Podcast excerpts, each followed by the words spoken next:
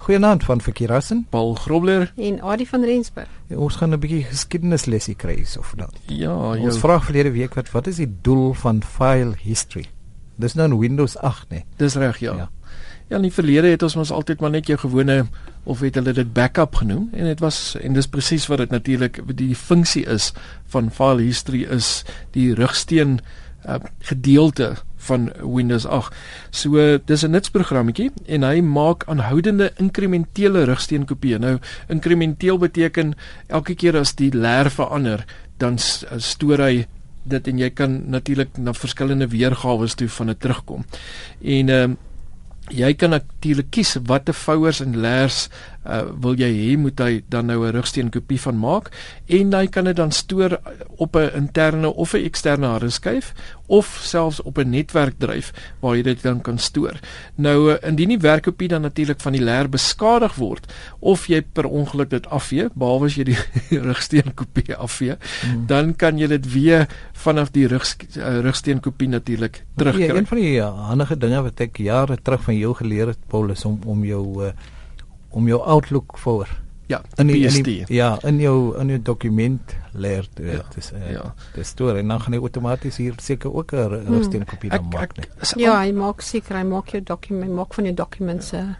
Ek praat amper onder korreksie, maar ek het gesien baie van die nuwe as jy die nuwe Outlook install, dink ek amper hy skep die PST standaard nou al in in my documents hy skep actually Outlook Outlook ja, ja, jy's reg. Leer daar in die ja, ek moes 2 weke terug gesê 2013 gaan 2013 die outomaties na OneDrive toe hmm nie nou OneDrive toe nie, nie die PC. Ek gaan nie vir kopieë maak na OneDrive. Maar mens moet maar gaan kyk, maar dis dis baie baie nuttig om dit in die documents folder te te stoor. Ja. ja nee, ek gebruik 2013 en hy het nog nie my ek dink ek weet nie of ek kan wil hê hy moet dit want is 'n groot my PSD leer is ja. groot. Ehm ja, okay. um, maar ja, so natuurlik so die belangrike goeders wat jy wil natuurlik stoor is uh, tipies alles in jou Windows libraries. Uh, natuurlik dit sluit in jou documents, jou music, jou pictures, jou videos en dit kan ook natuurlik ander uh, vouers en layers ook uh, rugsteen soos jou Windows wat jy by jou Windows library kan voeg en verder uh, rugsteen dit outomaties ook die standaard Windows gebruikerslayers. So dis jou desktop,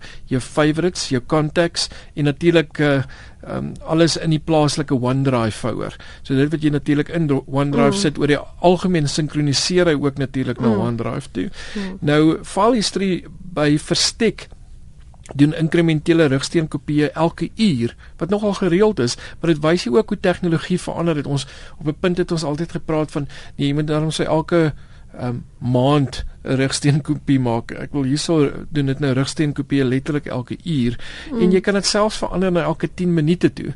Afhangende natuurlik van hoe gereeld jy leers gebruik. So dit kan uh, dit kan wel baie harde skyfspasie gebruik uh, afhangende van hoeveel leers jy gereeld oopmaak en verander. Uh, mens kan natuurlik ook stel vir hoe lank dit gehou moet hou. Ja, dit hou dit nou nie vir altyd nie. Ja. Nou die uh, file history is net een deel van die Windows se drieledige rugsteenplan so uh, soos die naam sê dit dit bestaan uit drie dele. Die ander een is natuurlik OneDrive. Dit gee dis uh, soos Dropbox ook, man, hè. Dis Microsoft se weergawe van Dropbox.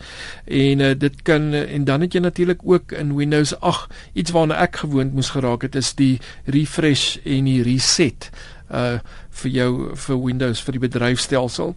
Nou OneDrive is 'n rugsteen oor 'n afstand. So dit sit dan nou jou leers in die internetwolk en ons nog baie mense wat vra maar is dit regtig veilig as mens dit um, in die in die wolk sit en ek het baie lekker gelag vir daai film oor hmm. dit waar die wolk nou gevind het. Is, is dit nou nie wat uh, Microsoft SkyDrive noem nie? Nee. Ah, dit was SkyDrive. Ja, dit is nou OneDrive, ja. Hmm. Is dit OneDrive? Ja. Mm. En ehm um, jy kan baie skade lei en ek bedoel ek het gesien deesdae met 'n harde skyf is met koop ook moenie dink omdat dit 'n splinte nuwe harde skyf is, ek kan nie oor 3 dae ehm um, omval en jou data is weg nie. En en natuurlik diefstal ook. Ek wil wat doen jy as jou ehm um, jou laptop skielik gesteel word of um, iemand breek in en jou dit is realiteit van waarin ons leef elke dag. Mm -hmm. So om dit natuurlik in die wolk te hê, ten minste kan jy daai baie belangrike dokumente terugkry en uh die dit was soos uh, jy nou genoem het al die oorspronklik SkyDrive genoem en dit het toe nou verbeter en geïntegreer met Office 2013. Ehm um, en in 2014 is dit toe nou OneDrive. Dan um, sê jy nou alles outomaties op drie plekke stoor. Basies, jy kan jy ja. kan, jy kan mense moet seker ook bewus wees dat dit uh, baie data data gaan opneem. Ja, kyk natuurlik ons begin nou net meer beweeg na meer mense het ADSL en uncapped unshape data maar vir alles jy natuurlik uh, nog steeds 3 um, 3G G gebruik dan wil jy uh, versigtig wees en uh, hmm. wel wat uh, wat Microsoft wel doen is met OneDrive hulle gee vir jou 15 gig se spasie wat nogal redelik baie is as dit as dit nou kom by dokumente. Natuurlik sodra mens nou begin musiek en video's en daai tipe goed is dan gaan dit kan dit redelik vinnig gaan. Ehm um, dan het uh, Windows 8 ook 'n niks nits program vir die bedryfstelsel wat kan help indien iets fout gaan met die naam natuurlik refresh wat jy toelaat om die bedryfstelsel weer te installeer sonder om die data te verloor. Ehm um, en uh, jy moet wel uh, kennis dra dat sommige data en programme kan verlore gaan want natuurlik daai daar's 'n kopie van dit op die rekenaar en as jy nou na dit nog applikasies geïnstalleer het, gaan dit nie dit ook terugbring nie. Ja, derde party goed ja. dit nie doen nie. Behalwe as jy wat hulle noem 'n custom image geskep het. En dis baie hmm. belangrik en ek dink baie mense weet nie van hierdie custom image en hoe maklik dit eintlik is om 'n custom image te skep nie, veral as jy 'n uh, Windows 8 het. En dan natuurlik met reset verloor mens jou data uh omdat dit 'n volle factory restore doen, maar weer eens, as jy 'n custom image het, dan gaan jy dit nie verloor nie, of want dan hmm. neem letterlik mos 'n snap van jou hele van jou hele rekenaar. Ehm um, nou goed, uh dis interessante goed oor hoe jy jou dokumente kan bewaar. Hmm. Maar as jy meer wil lees, is daar baie meer as wat uh, Paul nou verduidelik het. Ja, daar's 'n paar oulike webwerf met die naam windowsecrets.com waar hierdie storie gaan oor understanding the Windows 8 file history. Uh Technet van Microsoft het ook 'n artikel daaroor en dan um windows.microsoft.com nog 'n keer hoe om daardie ehm um, die einde van hierdie webwerf se naam set drive file history met ander woorde die stappe wat jy kan volg om dit te gaan opstel. En Johan het ook vir ons 'n paar webwerwe gestuur wat ook verwant is, né? Ja, Johan het vir ons webwerwe gestuur oor ehm um, oor weer 'n keer oor OneDrive. Mm -hmm. So ehm um, weer 'n keer is 'n webwerf van Microsoft self. Um getting started OneDrive tutorial en dan ook um Windows Microsoft weer 'n keer uh, Windows se so, uh, webwerf en dan Windows 8 how how to use the file history. Maar gaan kyk gerus vir dit by RSG se webwerf. Ja, kry dit gerus by ons webwerf rsg.co.za onder Charlatheid by die RSG rekenaarrubriek.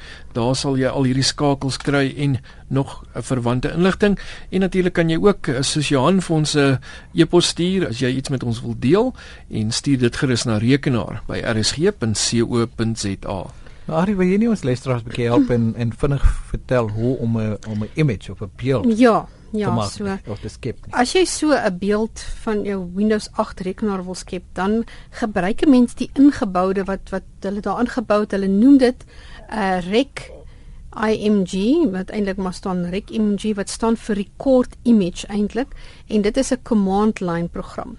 So jy het sekere stappe wat jy gaan moet doen um voordat jy dit kan skep soos byvoorbeeld jy moet jy moet eers jou sorg dat al jou sagte ware opdaterings gedoen is. Ehm um, jy moet jou uh, registry gaan skoonmaak en jy moet verifieer dat die toestand van jou harde skyf wel reg is met iets byvoorbeeld soos check disk. En dan druk jy Windows sleutel in exam en jy kies jou command prompt in admin en dan tik jy daar in rec image skynstreep create image c dubbelpunt en dan die ehm um, uh die backslash, ek kan nou nie dink wat dit in. Afrikaans nie, refresh image. En dan skep hy nou daai refresh image, jy kan dit enigiets noem. Jy hoef dit nou nie refresh image te noem nie. So dis ja, 'n lang proses maar ons gaan dit opsit. Dis nie ja, dis nie 'n lang proses nie. Ek stel wel voor dat dit op 'n ander partisie gestoor word as op die op die C-dryf. Dit mm. maak dit net makliker mm. wanneer jy 'n uh, restore moet doen. Uh, maar dit uh, dit maak nie saak waar jy hom gaan sit nie en jy kan natuurlik ook verskillende weergawe um, images uh, wel stoor. Hierdie kan jy natuurlik kry by rsg.co.za onder Chila tyd by die RSG rekenaar rubriek en uh, letterlik net tyd vir 'n vraag. Yep. En uh, ons wil volgende week gesels en ons wil by jou weet wat is die betekenis van die webblaaier foutboodskappe. So dis nou tipies soos daai error 404 en daar's 'n paar ander wat mens ook kan kry. Kyk of jy bietjie dit kan uitvind en uh, volgende week gesels ons daaroor. Tot dan van Verkeerassen, Paul Grobler en Adie van Rensburg. Goeienaand.